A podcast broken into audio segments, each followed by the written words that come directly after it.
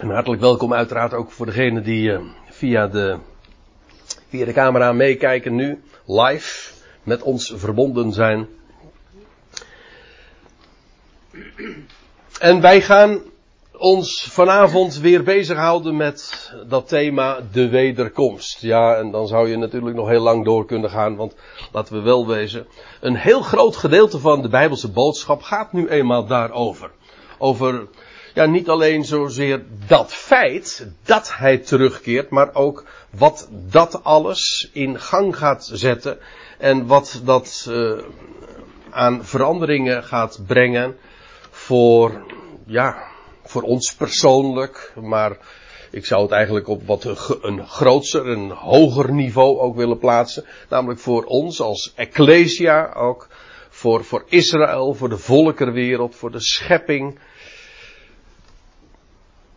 De grote toekomst die daarmee gaat aanvangen. We hebben de vorige keer ons bezig gehouden met, uh, met de zegels. En dat is een wat technische term natuurlijk, maar voor voor u die inmiddels gewend bent zich uh, bezig te houden met bijbelse termen. Die weet inmiddels van de hoed en de rand. Namelijk dat dit uh, een termen zijn uit het boek De Openbaring. Openbaring 5 en 6, daar lees je over, over de zegels. En in de daaropvolgende hoofdstukken lees je over bazuinen. Nou, wat is dan wel het verschil en wat is daarmee aan de hand? Oh, dan moet ik even deze ook er nog in doen. Ja. Ja, hoe moet ik dat, uh, want uh, als ik dan moet hoesten, dan uh, heb ik geen zin om, om u ook meteen een overdovend geblaf te, te bezorgen. Even, even mijn vinger opsteken en dan doe jij hem zacht. Nou, of, ik nou weer zo lang kan wachten met hoesten, dat weet ik niet. Oh, wacht even, ik kan deze. Nee, ik kan ook niet. Nou ja. Nou, dat doe ik wel zo.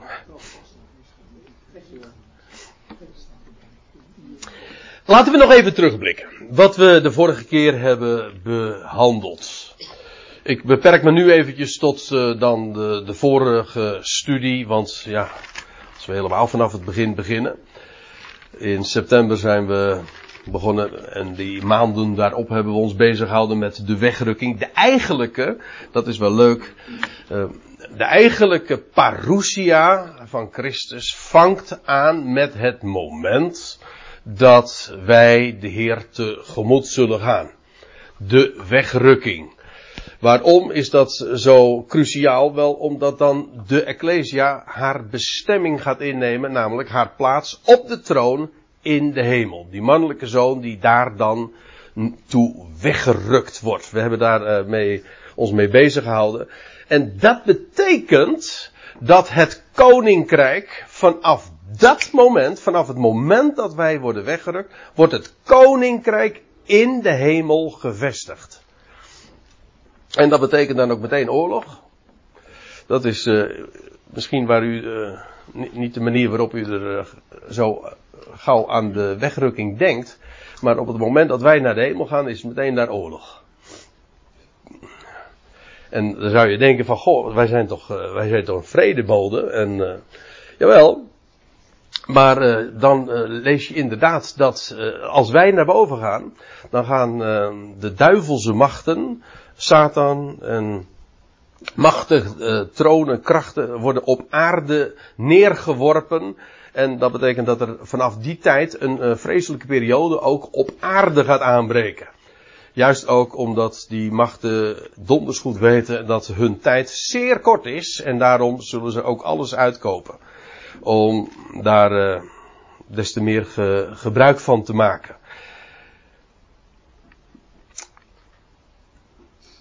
Om even terug te komen op die, die boekrol, op de, ja, die zegels en de boekrol. De boekrol, dat is, uh, om eventjes de dingen nog scherp te stellen. De boekrol met die zevenvoudige verzegeling, zo lees je daarover ongeveer met gelijk, soortgelijke woorden in openbaring 5 vers 1. Uh, dat is de eigendomsakte. Dat is, dat is eh, van groot belang, die boekrol. Ja, wat is dat nou? Wat staat daarin beschreven? Wel, daar staan de eigendomsrechten in van wie het land is. En het land, en ik, uh, ik heb dat de vorige keer ook al wel duidelijk gemaakt, denk ik, en het, het komt vanzelf ook wel uit de verf, het kan ook niet missen. Dan gaat het over want je zou dat nogal dubbelzinnig kunnen opvatten. Het land, ja, is dat gewoon het land Israël?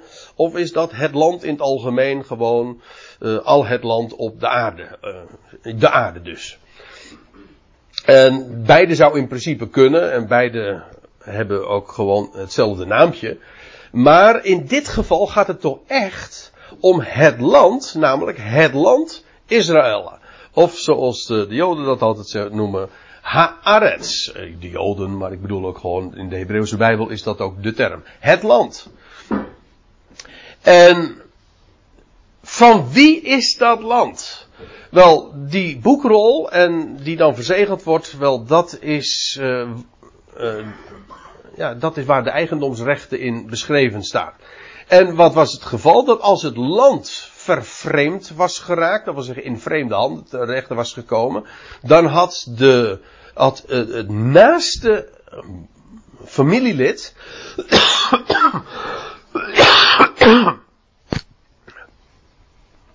die had het eerste recht van terugkoop. Dat was op een speciale manier ook geregeld. Zo iemand heette dan de losser. Dat wil zeggen, die loste, of verloste, zo je wilt, het land. En dat heet eigenlijk, in, in het Hebreeuws heet dat de Goel. En daar zijn er uh, verschillende bijbelse voorbeelden van, maar de beroemdste en de bekendste, en de vorige keer heb ik hem geloof ik ook nog even genoemd, is die, zonder meer, die van Boas. U weet wel, die vermogende man uit Bethlehem. En als ik het zo zeg, dan eh, zeg ik het ook al lekker dubbelzinnig natuurlijk. Want uiteindelijk ken ik maar één echte vermogende man uit Bethlehem. En uh, in hem is kracht. Hè? Dat betekent de naam Boas. En dat is uh, de naaste, de, dat, dat moeten we vasthouden. De naaste bloedverwant die had het, recht, uh, het eerste recht van terugkoop. terugkoop. En wat kreeg hij dan? Wel, bij aankoop van dat land kreeg hij die eigendomsakte. En op het moment dat de overdracht van het land plaatsvond, en die twee hoefden helemaal niet samen te vallen. Daar kan zelfs een hele lange tijd tussen zitten. Daar zie je in de Bijbel trouwens ook verschillende voorbeelden van. In het boek Jeremia lees je zelfs dat daar tientallen jaren. Uh, in Jeremia 32 lees je dat er tientallen jaren zit tussen uh, de, de aankoop en de uiteindelijke overdracht van het land. En pas bij die gelegenheid werd de, uh, mocht de boekrol ook uh, geopend worden. En tot die tijd was die gesloten en wel verzegeld. Dat wil zeggen. sorry hoor. Was die, tot die tijd was die. Uh, ja, was die gesloten en voor niemand toegankelijk. Wel, bij de overdracht van het land werd de boekrol geopend. Nou, en dan is het de, de scène in het boek Openbaring, in Openbaring 5. We hebben dat, uh, we hebben dat vorige keer wat uitgebreider bezien. Maar goed, ik uh, noem het nu even. De grote vraag is, wie is waardig de boekrol te openen? Dat wil zeggen, wie is de echte rechthebber op het land? En wat blijkt dan, en, want in eerste instantie uh, is, het, uh, is het tafereel zodanig nogal uh, dramatisch, want er is niemand. En dan wordt er gewezen, wordt Johannes gewezen, die dan in huilen is uitgebarsten op de leeuw van Juda. En dan, en dan kijkt hij, en dan ziet hij niet een leeuw, maar dan ziet hij een lammetje. Staan. Als geslacht. Dus een geslacht lammetje dat staat. Dus dat betekent dat geslachte lammetje is opgestaan. Ja, en dat is nou precies de clue. Hij is opgestaan uit de doden. Daarom is hij ook de leeuw van Juda. En hij is waardig. Hij is de rechthebber uh, op, de, op het openen van uh, die boekrol. Oftewel om het land in bezit te nemen. Want staat er dan nog bij in hoofdstuk 5 vers 9, hij heeft gekocht. Ja, hij is de losser. Hij heeft de prijs betaald. Het land is van hem. Uh, dat is trouwens een prachtige bijbelse gedachte. Daar zit, uh, uh, je leest ook dat als Israël het land ingaat, dat, dat dan wordt altijd al tegen hen gezegd, het land is niet van jullie, jullie mogen er wonen. Maar het land is van mij, zegt de Heer. Heel uitdrukkelijk. En jullie zijn slechts vreemdelingen en bijwoners in het land. Het land is van mij. Dus laat u, dat zeg ik ook eventjes in verband met uh, allerlei claims. Nu oh, oh, de hele politieke kwestie van de vraag van, ja, van wie is nu eigenlijk dat land in het Midden-Oosten? En dan zijn er allerlei strijdende partijen en dan zegt het Sionisme, nee, het is van ons. Nou, dat is nog maar de vraag. En ik zeg nu de vraag, maar eigenlijk is dat dus helemaal niet waar. Ook de claim van het Sionisme van het is van ons, het is van ons Joden, omdat wij daar zo lang gewoond hebben. Ik zeg niet dat het helemaal niet uh, totaal geen, uh, geen rol speelt. Maar het is niet het Bijbelse antwoord. Het Bijbelse antwoord, het land is van één iemand. En hij geeft het aan wie hij wil. En het was ook zo dat als Israël niet luisterde naar zijn stem, dan zei hij van uh, bij herhaling, dan ga je gewoon keurig weer het land uit. Voor een bepaalde termijn. U weet wel, die sabbatjaren die dan vergoed moesten worden, et cetera. En dan, na de verloop van de twee, dan mochten ze weer terugkomen. En niet eerder. Dus uh, ja, dat, al, vanuit dat perspectief is de hele politieke discussie over de vraag van wie het land nou eigenlijk is en wie daar nou eigenlijk claims op kan laten gelden, een totaal andere. De, ook hiervan moeten we gewoon vaststellen, die in de hemel zetelt, die lacht erom. Die lacht om al dat soort politiek gekonkel, en dat wordt uiteindelijk natuurlijk ook niet in New York in de Veiligheidsraad of weet ik veel waar van de VN geregeld of bedisseld door de wereldleiders. Kunnen ze wel vergeten. Zo werkt dat niet. En dan staat er in Psalm 2 ook zo heel laconiek die in de hemel zetelt, die lacht. En, en, de Heer, en terwijl de volkeren dan samenspannen. En dan staat er van, ik heb toch mijn koning, uh, hoe staat het? Ik heb toch mijn koning gesteld te Zion. Dus wat, wat, wat zitten jullie nou, zo, ik heb mijn koning. En hij gaat daar regeren. En dan kunnen jullie op je kop staan. Maar zo gaat het. Ja. Kijk, dat zijn nou, uh, zo spreken wij daarover. Vanuit het, met het licht van de schrift, dat vind ik geweldig. Kijk, dat is goddelijk licht. Weer even terug. Uh, in, uh, het, het, lammetje, dat blijkt dus waardig te zijn de boekrol te openen. Hij is degene die de eigendomsrechten kan claimen op het land. Want hij heeft gekocht. Met zijn bloed. In openbaring 6 dan vervolgens, uh, neem, lees gewoon even met, in uw, vanuit uw eigen bijbeltje mee. In openbaring 6 worden dan die zegels allemaal geopend. Nou ja, allemaal op één na. Daarover straks meer. Worden de, de zegels geopend. En dan bij het zesde zegel, dat is een heel cruciaal ding. We hebben daar in de loop van de, nou ja, in de loop van de twee, drie seizoenen uh, diverse keren ook bij stilgestaan. Dat is de verduistering van zon en maan. En bij die gelegenheid, bij het zesde zegel, dat is het moment dat de, waarvan we elders dan lezen in Matthäus 24, in Joel 2, maar uh, ook in Zacharia 14, hè, de zon zal verduisterd worden. Uh, dat is het moment dat de Heer zal terugkeren en zijn voet zal zetten op de olijfberg ter verlossing van zijn volk. En dan gaat hij ook strijden tegen de volkeren. De volkeren strijden tegen Jeruzalem.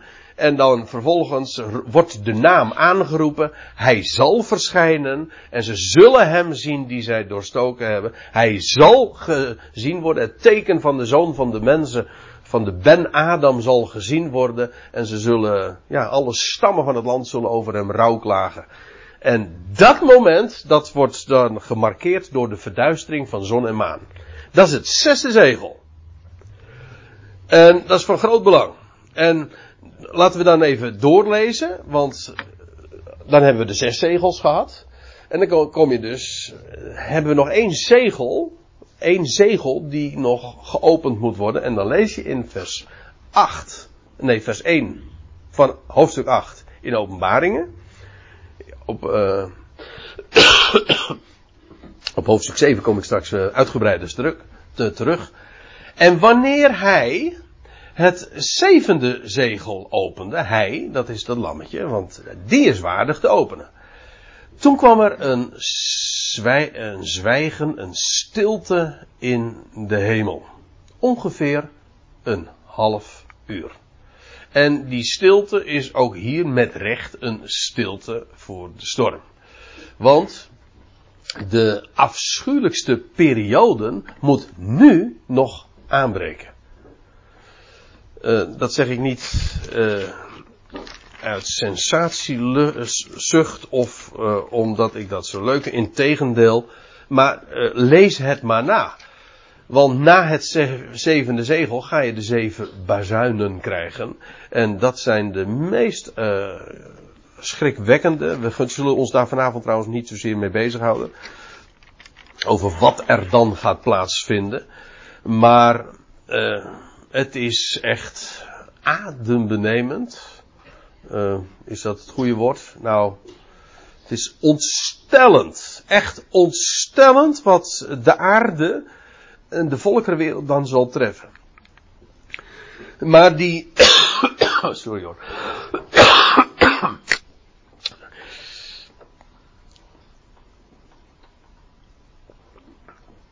Die stilte, dat is een, een hele korte onderbreking. Dat, het wordt hier genoemd, het is, uh, dat is beeldspraak, een, een, een stilte een, uh, van ongeveer een half uur in de hemel. Nou, waarna je de, uh, de vraag kunt stellen van hoe lang duurt een half uur in de hemel. in aardstermen dan. Hè? Ja, hoe lang duurt een half uur? Ja, ik bedoel, hoe lang duurt een half uur in de hemel? In aardse termen. Want u weet, tijd is heel relatief. Maar ik weet niet eens of we zo moeten rekenen. Ik heb in ieder geval geen strikt bijbels antwoord gevonden op die vraag.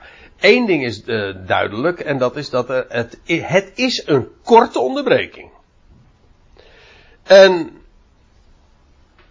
als je nou vraagt van wat is die onderbreking? En eigenlijk was het antwoord juist gegeven.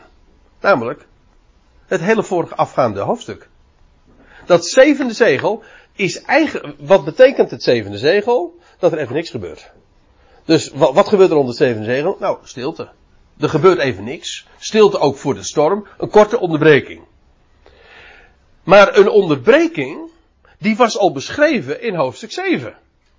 Dat is die stilte. Hoofdstuk 7 is, als u mij vraagt, en dat is eh, de enige wijze waarop ik dit ook zo kan uh, in, in logische orde kan verstaan. Dat is dat uh, in dat hoofdstuk, in hoofdstuk 7, de inhoud beschreven wordt van dat zevende zegel. Het is namelijk een korte onderbreking. Dat wordt zelfs ook zo uitgelegd, want als je in hoofdstuk 7 uh, dan uh, in de eerste verse leest, dan staat er dat er een uh, vier engelen. Nou, lees, lees even met me mee. Daarna zag ik vier engelen aan de vier hoeken van de aarde. De vier windhoeken betekent dat. Uh, aan de vier hoeken van de aarde, die de vier winden van de aarde vasthielden. Dan zie je meteen dat het over windhoeken gaat natuurlijk. Opdat er geen wind zou waaien over de aarde of over de zee of over enige boom. En ik zag een andere engel opkomen van de opgang der zon, het oosten dus. Hemmende het zegel van de levende God. En hij riep met luide stem tot de vier engelen, aan wie gegeven was aan de aarde en de zee schade toe te brengen. En hij zeide, breng geen schade toe aan de aarde, noch aan de zee, noch aan de bomen, voordat wij de knechten van onze God aan hun voorhoofd hebben verzegeld.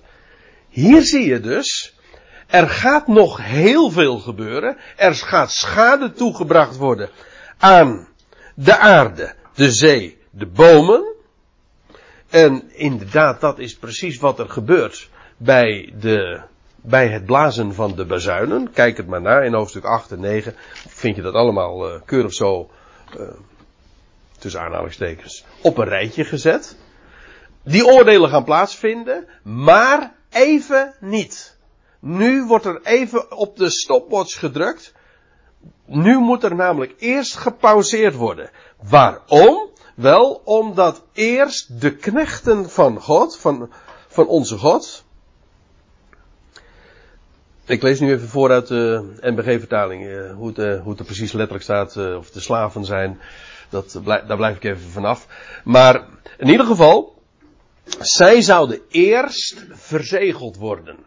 Waaruit dan vervolgens ook weer iets anders blijkt. En dat is dat als die knechten dan daadwerkelijk verzegeld zijn, zijn zij kennelijk onaantastbaar voor de schade die vervolgens toegebracht wordt aan, aan de aarde en de zee. En uh, zij zijn daarvoor dan uh, immuun gemaakt, zeg maar. Hen zal het niet treffen.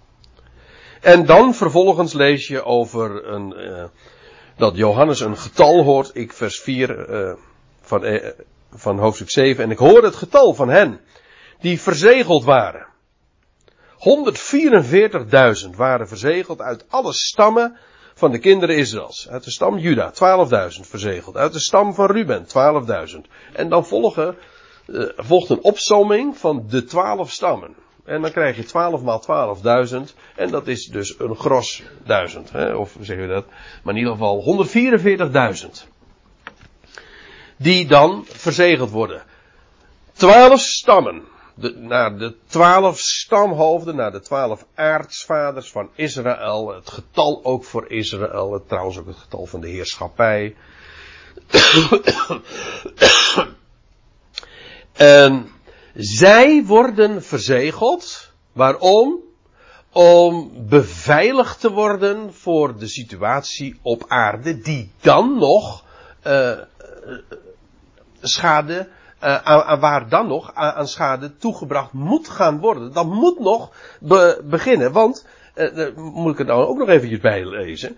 Want je leest bij het zesde zegel, lees nog eventjes met me mee. Openbaring 6 vers, nu openbaring 6 vers, vers 16.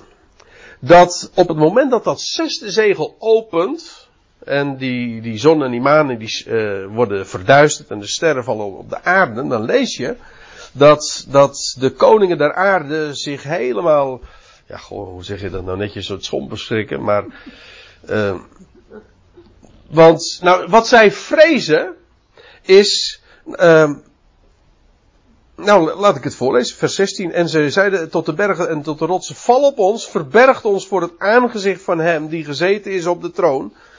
En voor de toorn van het lam, want de grote dag van hun toorn is nu gekomen. Is gekomen. En wie kan bestaan? Ze beseffen, ja, hier hebben ze niet van terug. Als, als de Heer dan zal zijn gekomen voor, voor zijn volk Israël. En uh, ja, dan komen zij dus oog in oog met hem ook te staan. En ja, dat betekent dat er. Uh, moet je voorstellen, een totaal andere verhoudingen uh, zijn er dan ontstaan. Want dit is ineens een, een, een hele verticale interventie, als ik het zo mag zeggen. Gewoon vanuit de hemel nu. He, dat is, dit is maar geen uh, ge, gepraat uh, over, uh, over ufo's en zo die hier op aarde komen. Nee, hier praten we dus over vanuit de hemel is het de God van Israël. Ja, waarvan men natuurlijk nog wel wist vanuit de Bijbel enzovoort. Maar ja, die, van die God van Israël, daar horen wel duizenden jaren niks meer van. En dat, uh, dat zal niet zo'n vaart, uh, dat is allemaal archaïsche denkbeelden. Vanaf dat moment is, al, is die hele moderne theologie kan gewoon bij grofvuil worden gezet. Van dat dat, die moderne theologie blijkt dan hopeloos verouderd te zijn. Want die God van Israël blijkt dus wel degelijk te, nou ja, te bestaan, er te zijn en acte de présence gegeven te hebben. En vanaf dan ook daadwerkelijk zijn volk Israël te verlossen en het ook gaat opnemen voor zijn volk tegen de volkeren. Nou, dat betekent een totaal andere verhouding ineens op, op, op aarde. Uh, de, de, de mindset is uh, van de hele wereld moet dan ook uh, totaal worden gewijzigd. En Vanaf dat moment gaat de toorn van God, de dag van toorn voor de wereld is begonnen. Weliswaar, Israël wordt verlost. En, en er die 144.000, en daar hebben we, hebben we natuurlijk al uh, daar hebben we het al over gehad. Uh, die wordt geselecteerd. Die groep wordt geselecteerd. Waarom? Om een missie te gaan uitvoeren onder de volkeren. Israël wordt weer terugverzameld bij die gelegenheid uh, naar het land. Maar een, een, selectie uit hen, en wel een heel specifiek uh, bepaalde selectie, 144.000 moeten uitgaan naar de volkeren. En naar de rest van deze wereld. Maar dat betekent dat ze ook beveiligd moeten worden. En dat is de reden van hun verzegeling. En zij krijgen een missie dus onder de volkeren. Uh, nog eventjes over die 144.000. Een selectie van 144.000 mannen uit het verzamelde Israël zal verzegeld worden. Uh, de oordelen over de aarde en de zee worden tijdelijk opgeschort. Namelijk, eerst moeten zij verzegeld worden. Dus je begrijpt, daar gaat enige tijd overheen om hen allemaal uh, ja, te, instrueren, te verzegelen. En hoe dat verder trouwens ook in zijn werk zal gaan. Dat doet nu even niet de zaken. Maar eerst moeten de knechten van God worden verzegeld, zodat geen onheil hen zal treffen.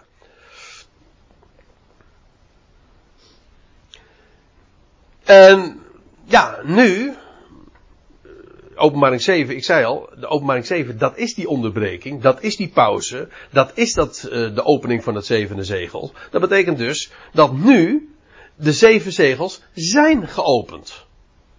Oftewel, het land is in bezit genomen. Het land is de landsoverdracht, of laat ik het anders, de eigendomsoverdracht, heeft nu plaatsgevonden. En het land regeert in het land. Het koninkrijk is nu ook gevestigd op aarde. Vanaf dat moment is het koninkrijk gevestigd op aarde.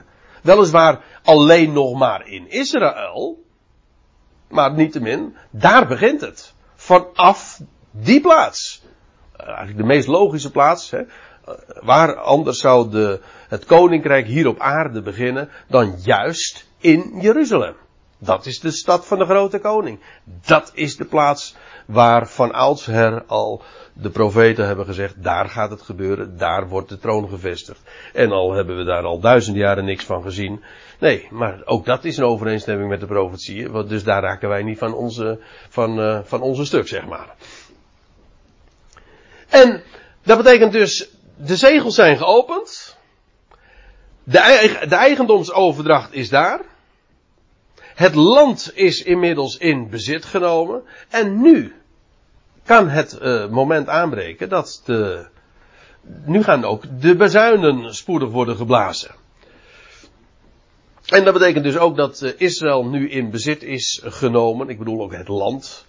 En voor hen is het koninkrijk begonnen.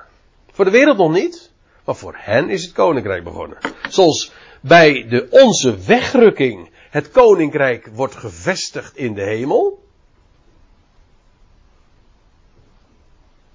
Zo zal op het moment dat hij zal gaan verschijnen op de olijfberg en Israël verzameld zal worden, et cetera, dan wordt het koninkrijk gevestigd op aarde. Alleen eerst in het land. En die indeling van eerst het land en vervolgens de volkerenwereld, ja, dat is een, een heel uh, dikwijls terugkerend thema en buitengewoon belangrijk ook voor het verstaan ook van het boek De Openbaring. Eigenlijk, ja, het, het uh, intrigeert me iedere keer weer. Dat, dat de hele Bijbelse boodschap gaat over ja, de vestiging van het koninkrijk van God hier op aarde of in het algemeen, de vestiging van het koninkrijk uh, in hemel en op aarde, zo moet ik het eigenlijk zeggen. God die zijn aanspraken gaat maken op deze schepping. En die gaat die waarmaken. En dat is feitelijk wat de parousia is. Zijn koninkrijk gaat gevestigd worden. En dat, uh, dat is geen, dat, ja, noem het. Ik zat even te aarzelen met het woord, maar het is, dat is geen politiek ding zozeer. Kijk, bij politiek denken wij van. Ja, dan wordt er een, een partij opgericht. Maar er wordt hier geen partij opgericht of zo. Dit is trouwens ook helemaal geen, over mindset gesproken, dit is ook helemaal geen democratisch gebeuren. Er vinden geen verkiezingen geplaatst, wordt niet onder de mensen gevraagd wat ze ervan vinden. Er wordt geen partij opgericht. Het koninkrijk wordt opgericht. Dat is, dat is van een heel andere orde, hè? Het koninkrijk wordt gevestigd. Een koninkrijk. Dat is trouwens, dat zegt hij wel iets over de politieke, het politieke karakter. Namelijk, het is geen democratie. Het is ook geen dictatuur. Het is een koninkrijk. Een koning, ja, die inderdaad zijn, zijn roots kan terugvoeren tot, uh, ja, in de dynastie. Hè. Bij David is dat begonnen, et cetera. Weet u wel, daarin die vermogende man in Bethlehem, zo was het toch. En een koninkrijk wordt gevestigd. Waarbij ik trouwens er ook nog op, uh, op wijs dat dat uh, maar niet een of ander ceremonieel karakter alleen maar zou hebben, of alleen maar zou hebben. Het is, het, is een, het is een totale wijziging van de gang van zaken in, in deze wereld. om, uh, iemand zei een keertje, hij komt geen, hij komt niet om lintjes door te knippen, maar hij komt om knopen door te hakken. Kijk, daar hou ik van. En daar is het wachten op. En het feit dat die 144.000 worden verzegeld geeft aan dat zij de gevaarlijke wereld, dat wil zeggen een wereld die nog aan grootse gevaren zal worden blootgesteld, uh, daarvoor worden ze beveiligd. En waarom zouden zij de wereld ingaan? Wel om het koninkrijk te proclameren. In feite, dat wat je in Matthäus 28 al leest, hè, dat de Heer zegt, mij is gegeven alle macht in hemel en op aarde, gaat dan heen, dat gaat dan vervuld worden. Mij is, namelijk, er is een koning. Alsjeblieft. En wat doet een koning? Nou, hij gaat regeren. Hij gaat zijn koninkrijk vestigen. En wat dacht je wat? Daar in Jeruzalem. En als ze dan inderdaad op missie gaan, dan zal de Heer zeggen van en ik ben met jullie. Tot aan de volleinding van de Aion. Want dat is precies ook wat er gaat gebeuren. Uh, de, de eindigt, maar daar hebben we toen uh, in de serie over Matthäus 24 ook bij, bij stilgestaan. De Aion eindigt als alle volkeren zijn onderworpen. Dan is, het, dan is het einde van de Aion.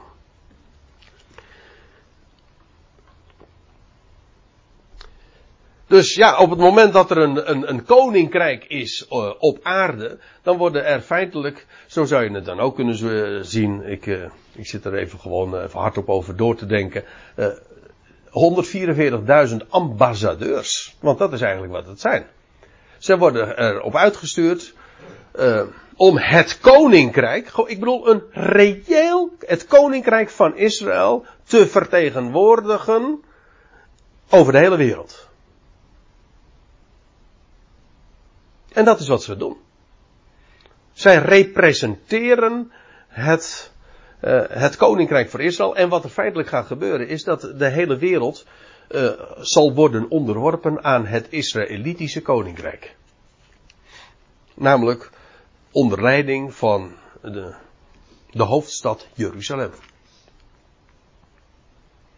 Ja, een totaal, uh, een totaal andere ja, wereldkijk krijg je op deze manier. Hè. Ik vind het geweldig dat boek De Openbaring, want dat betekent dat uh, de hele periode die wij nu beleven van verborgenheid, waarbij je helemaal niks te zien valt en ja, daar, daar, daar is dan een einde aan gemaakt en hij wordt dan openbaar en dat, dat, ja, dan worden de kaarten totaal geschud. Een heel andere, ja, Aion gaat dan aanbreken. Dan uh, gaan we nog eventjes uh, verder in openbaring 7, want ik uh, las al wat voor uit de eerste vier versen. Maar dan lees je vanaf vers 9, en lees, lees gewoon even met me mee.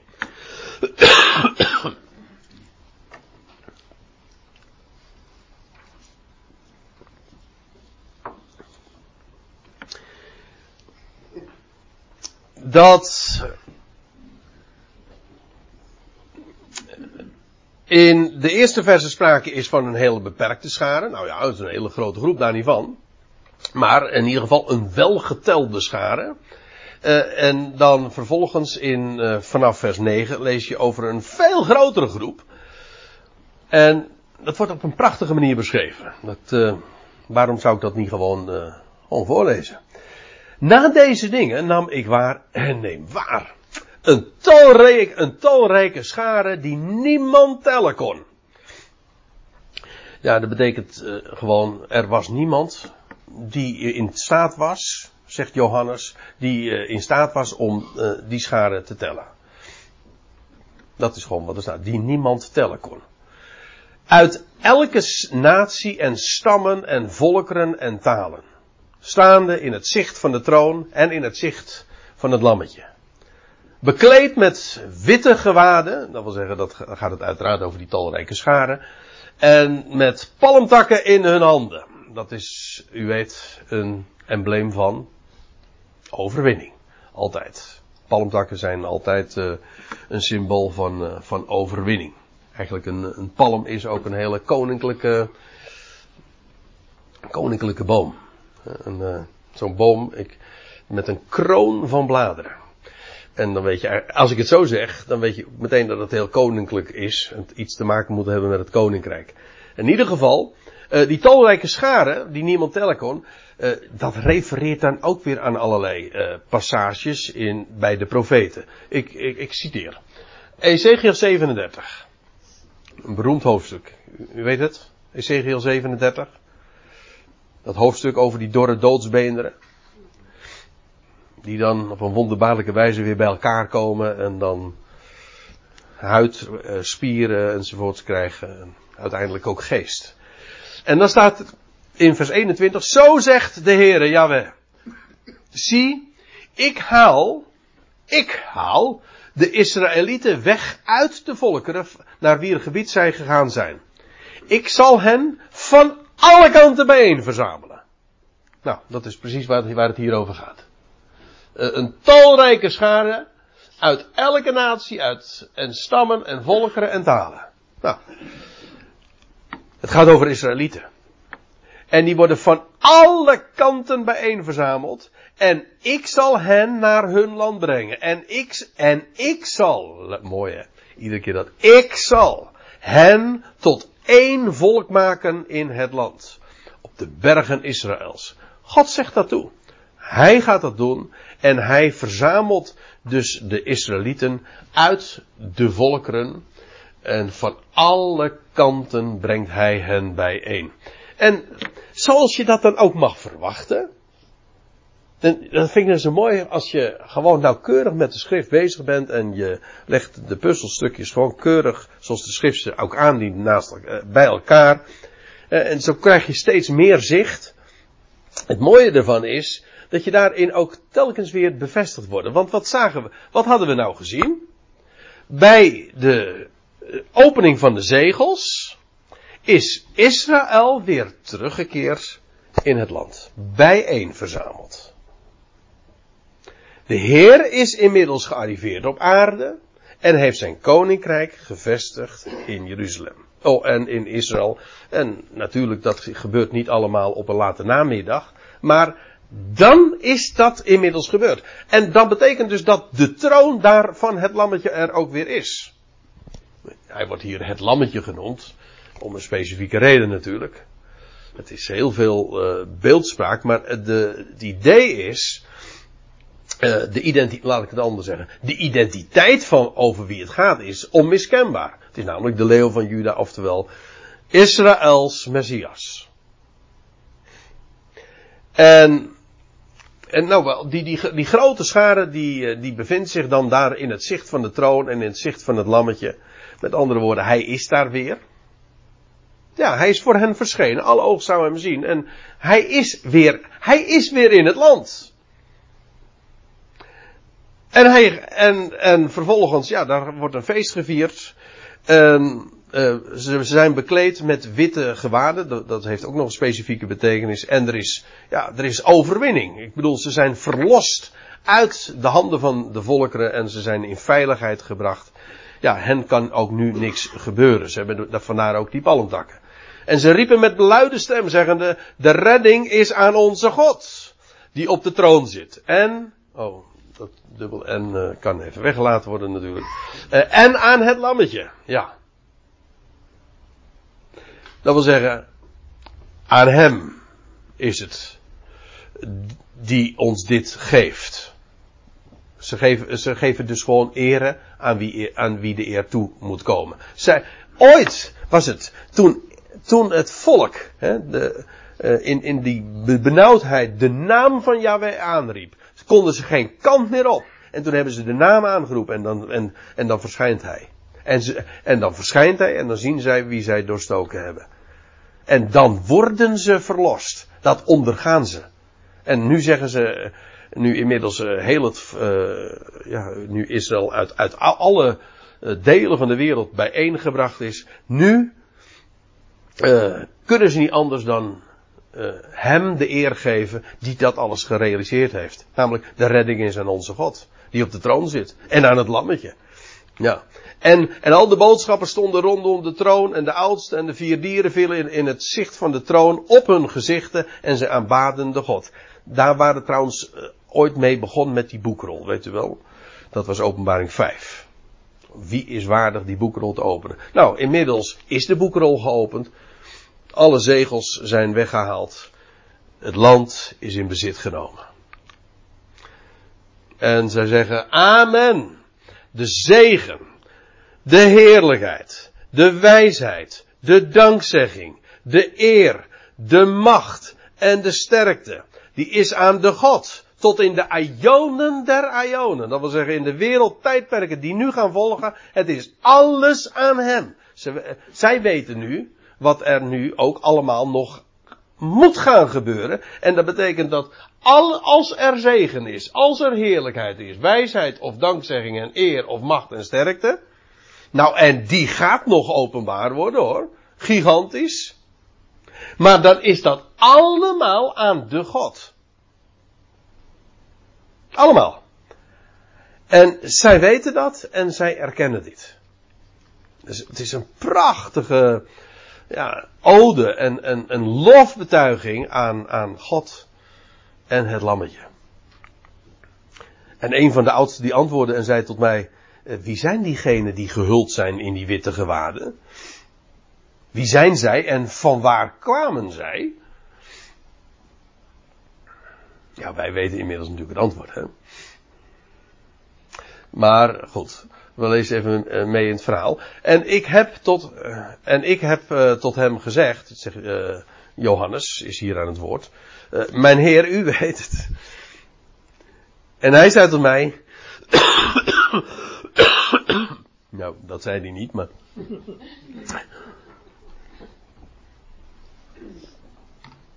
En hij zei tot mij, dit zijn degenen die, prachtig, dit zijn degenen die komen uit de grote verdrukking. En zij spoelden of zij wasten hun gewaden en ze maakten die wit in het bloed van het lammetje. Aha. Hier wordt de identiteit vastgesteld. Van, van, ja, van die onnoemelijke grote scharen die bij elkaar gebracht is en die nu daarbij de troon van het lam zich bevindt. Ziet u hoe concreet dit is? We hebben het dus inderdaad over een plaats op aarde en wel in het land Israël waar het koninkrijk nou net kerstvers is begonnen. Terwijl, terwijl het is nu even pauze nu. Dat wil zeggen in de wereld gebeurt er nu even niks. Geen oordelen, even, even helemaal niks. Wacht maar. Maar nu is dat koninkrijk daar begonnen. En voor Israël is de grote verdrukking voorbij. Dat, is trouwens opmerkelijk, hè? Een heleboel mensen die zeggen, ik, ja, ik, ik, ik benadruk het zozeer omdat ik, ik, ik, ik ken de een, uh, uit eigen ervaring de grote verwarring die er is over, uh, over het gelijktijdig laten plaatsvinden van die zegels en de bezuinen en het wordt allemaal door elkaar gehuzzeld. Maar er is zo'n duidelijk verschil. De zegels hebben te maken met Israël. En de bazuinen met, het, uh, met de volkerenwereld. En als de zegels geopend zijn, ja, dan is er inmiddels een volk, hè, uit alle volkeren verzameld. En wie zijn dat? Nou, dat zijn degenen die komen uit de grote verdrukking. Dat betekent dus dat die grote verdrukking inmiddels voorbij is. Ja, dit, dit is natuurlijk geen hogere wiskunde. Dit lijkt mij nogal logisch, hè? De grote verdrukking is hier dus voorbij. Maar let op. De bezuinen moeten nog geblazen worden. De verschrikkingen over de wereld moet nog plaats gaan vinden. Maar de grote verdrukking is al voorbij. En voor een heleboel mensen is dit eigenlijk een. Wat ik nu zeg. Uh, in het hele. Uh, in, het, in het gangbare, laat ik het zo zeggen. In het gangbare, ook evangelische. Uh, of kerk. De kerken hebben er al helemaal geen, geen kaas van gegeten. Dus ik het eventjes zo heel. Oh, als ik het even zo mag zeggen. We zijn onder elkaar, hè. Nee, laten we wel wezen. Eventjes, even tussendoor. Johannes Calvijn die heeft ooit gezegd over het boek, Calvijn, uh, het boek Openbaring, daar, daar wilde hij zijn vingers niet aan branden. Dus als ik zeg van dat Calvijn geen kaas had gegeten van het boek Openbaring, dan, dan citeer ik hem feitelijk gewoon. En, en eigenlijk het, geldt hetzelfde van lees een standaard Calvinistisch commentaar over, de, over het boek de openbaring. En het wordt allemaal gesymboliseerd, uh, vergeestelijkt en op de kerk toegepast. Ja, waarom? Omdat men totaal geen zicht heeft op, uh, op de wederkomst. En op Israël. Op, of op duizend jaren die nog gaan komen. Uh, en wat men, men spreekt wel over de wederkomst. Maar wat men de wederkomst noemt, dat is helemaal niet de wederkomst. Dat is, eh, dat is, eh, dat is het einde, dat, dat is het einde bij de grote witte troon, als hij eh, als, als de, de, de, de doden geoordeeld zullen worden. Maar de meeste mensen denken inderdaad dat dat ongeveer de wederkomst is. Dat is het einde van alles, van hemel en aarde. Ja, dat is wat men meestal dan ook de jongste dag noemt. De wederkomst is de jongste dag, dat is wanneer, de, wanneer hemel en aarde voorbij gaan en wanneer de grote witte troon wordt opgericht. Nou, dat is dus niet de wederkomst. Dan is de wederkomst al dik duizend jaar voorbij. Eh, eh, begrijpt u? Uh, daarom, daarom zei ik net eventjes heel badinerend over in het, in, het, in het gewone kerkelijke begrip heeft men totaal geen idee, in het kerkelijk onbegrip heeft men geen idee van de, van, van de wederkomst. En, maar ook de evangelische schema's, laat ik me eventjes, laat ik even ter zake blijven. Zegt men ook, uh, de grote verdrukking, hè, die, die periode van verschrikking, daarvan zegt men altijd, ja, dat is de grote verdrukking. Nee, dat is dus niet zo. De grote verdrukking is een specifieke tijd voor Israël. En wel, die is ook in gelimiteerd in 42 maanden, maar daarmee is niet het hele eindtijd gebeuren of van de parousia of de onderwerping aan de van de volkeren uh, heeft plaatsgevonden. Absoluut niet. Dan ontgaat je nog heel veel. Ik lees nog eventjes verder. In openbaring 7, er staat er, daarom zijn zij, zij die voor die troon staan, die grote scharen dus, het, uh, het teruggekeerde Israël, Daarom zijn zij voor de troon van God en ze dienen hem dag en nacht in zijn tempel. Die dan natuurlijk ook weer in Jeruzalem komt te staan. En in Jeruzalem is weer een troon en daar is weer een tempel en hij die op de troon zit zal hen als in een tent overschaduwen. Dat wil zeggen, ze zijn daar zo veilig. In een wereld, moet je ook even goed bedenken, wat er allemaal nog gaat gebeuren voor de wereld, waar het zo nog erom gaat spannen, zijn zij op een stukje aarde waar het zo goed toe is. Want hij zal hen als in een tent overschaduwen. Hij zal hun tent, staat er in de NBG-vertaling, staat het wel heel mooi poëtisch gezegd, over hen uitbreiden. En zij, zij bevinden zich daar, in dat land. En ze zullen, en staat er nog bij, ze zullen niet hongeren en ook niet dorsten. En de zon zal niet op hen vallen, nog enige hitte. Want het lammetje, opwaarts in het midden van de troon, zo staat het er letterlijk, zal hen hoeden en ook behoeden en gidsen, dat wil zeggen veilig de weg wijzen naar de bronnen van levend water. Wat ik trouwens ook heel letterlijk neem. En niet alleen ik, dus de profeten spreken over. Dat er uh, vanaf het moment dat de Heer zijn koninkrijk zal vestigen in Jeruzalem. Te dien dagen, Zachariah 14 vers 9 als ik het uit mijn hoofd even goed zeg. Dan staat er. Ten dien dagen zullen vanuit Jeruzalem levende wateren vlieten. Vlieten staat er dan, ja. Uh, stromen, ja. Uh, trouwens, westwaarts en oostwaarts, dat wil zeggen naar de richting, moet je je voorstellen, er gaat dus een rivier vanuit Jeruzalem komen.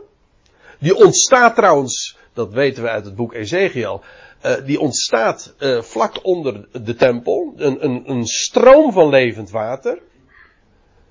En, daar ontstaat een rivier en die gaat richting de Middellandse Zee. Een stroom die gaat westwaarts. En oostwaarts, dat wil zeggen, die gaat richting de Dode Zee. En waarachtig, wat denk je? Die Dode Zee wordt een levende zee. En gaat uh, weer allerlei vissersplaatsen zelfs uh, herbergen. En de vissersplaatsen worden nu al, ze worden, staan al in de schrift vermeld. De namen van die vissersplaatsen staan al op voorhand vermeld. Dat vind ik nou echt humor van God. Dat, er, dat, er, dat God al duizend jaren van tevoren de namen van de vissersplaatsen al heeft vermeld. Daar aan de Dode Zee. Dat is toch lachen? Moet je nou, moet je, eh, ja, je kunt nou je engeltje ook wel uitwerpen natuurlijk. Heb je niet veel te doen, dat is, dat zeker. En als je dat, als je dat, als je dat juist zo leuk vindt aan vissen, dan, uh, dan moet je dat vooral doen. Zoute haring.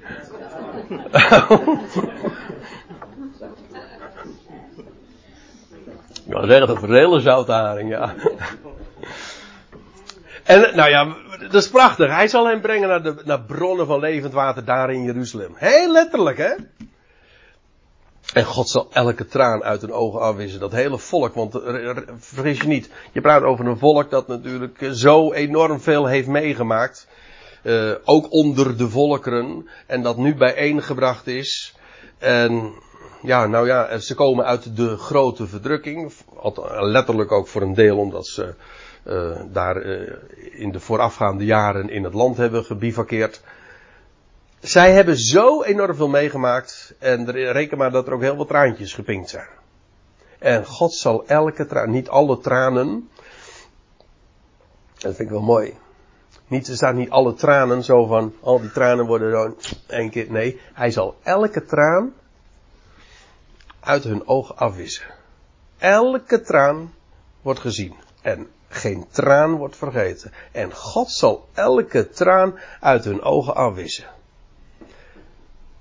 Met andere woorden, dit volk, dat hier het begin van het koninkrijk op aarde gaat meemaken. Terwijl er nog zo gigantisch veel gaat gebeuren in de wereld. En er is nu even pauze.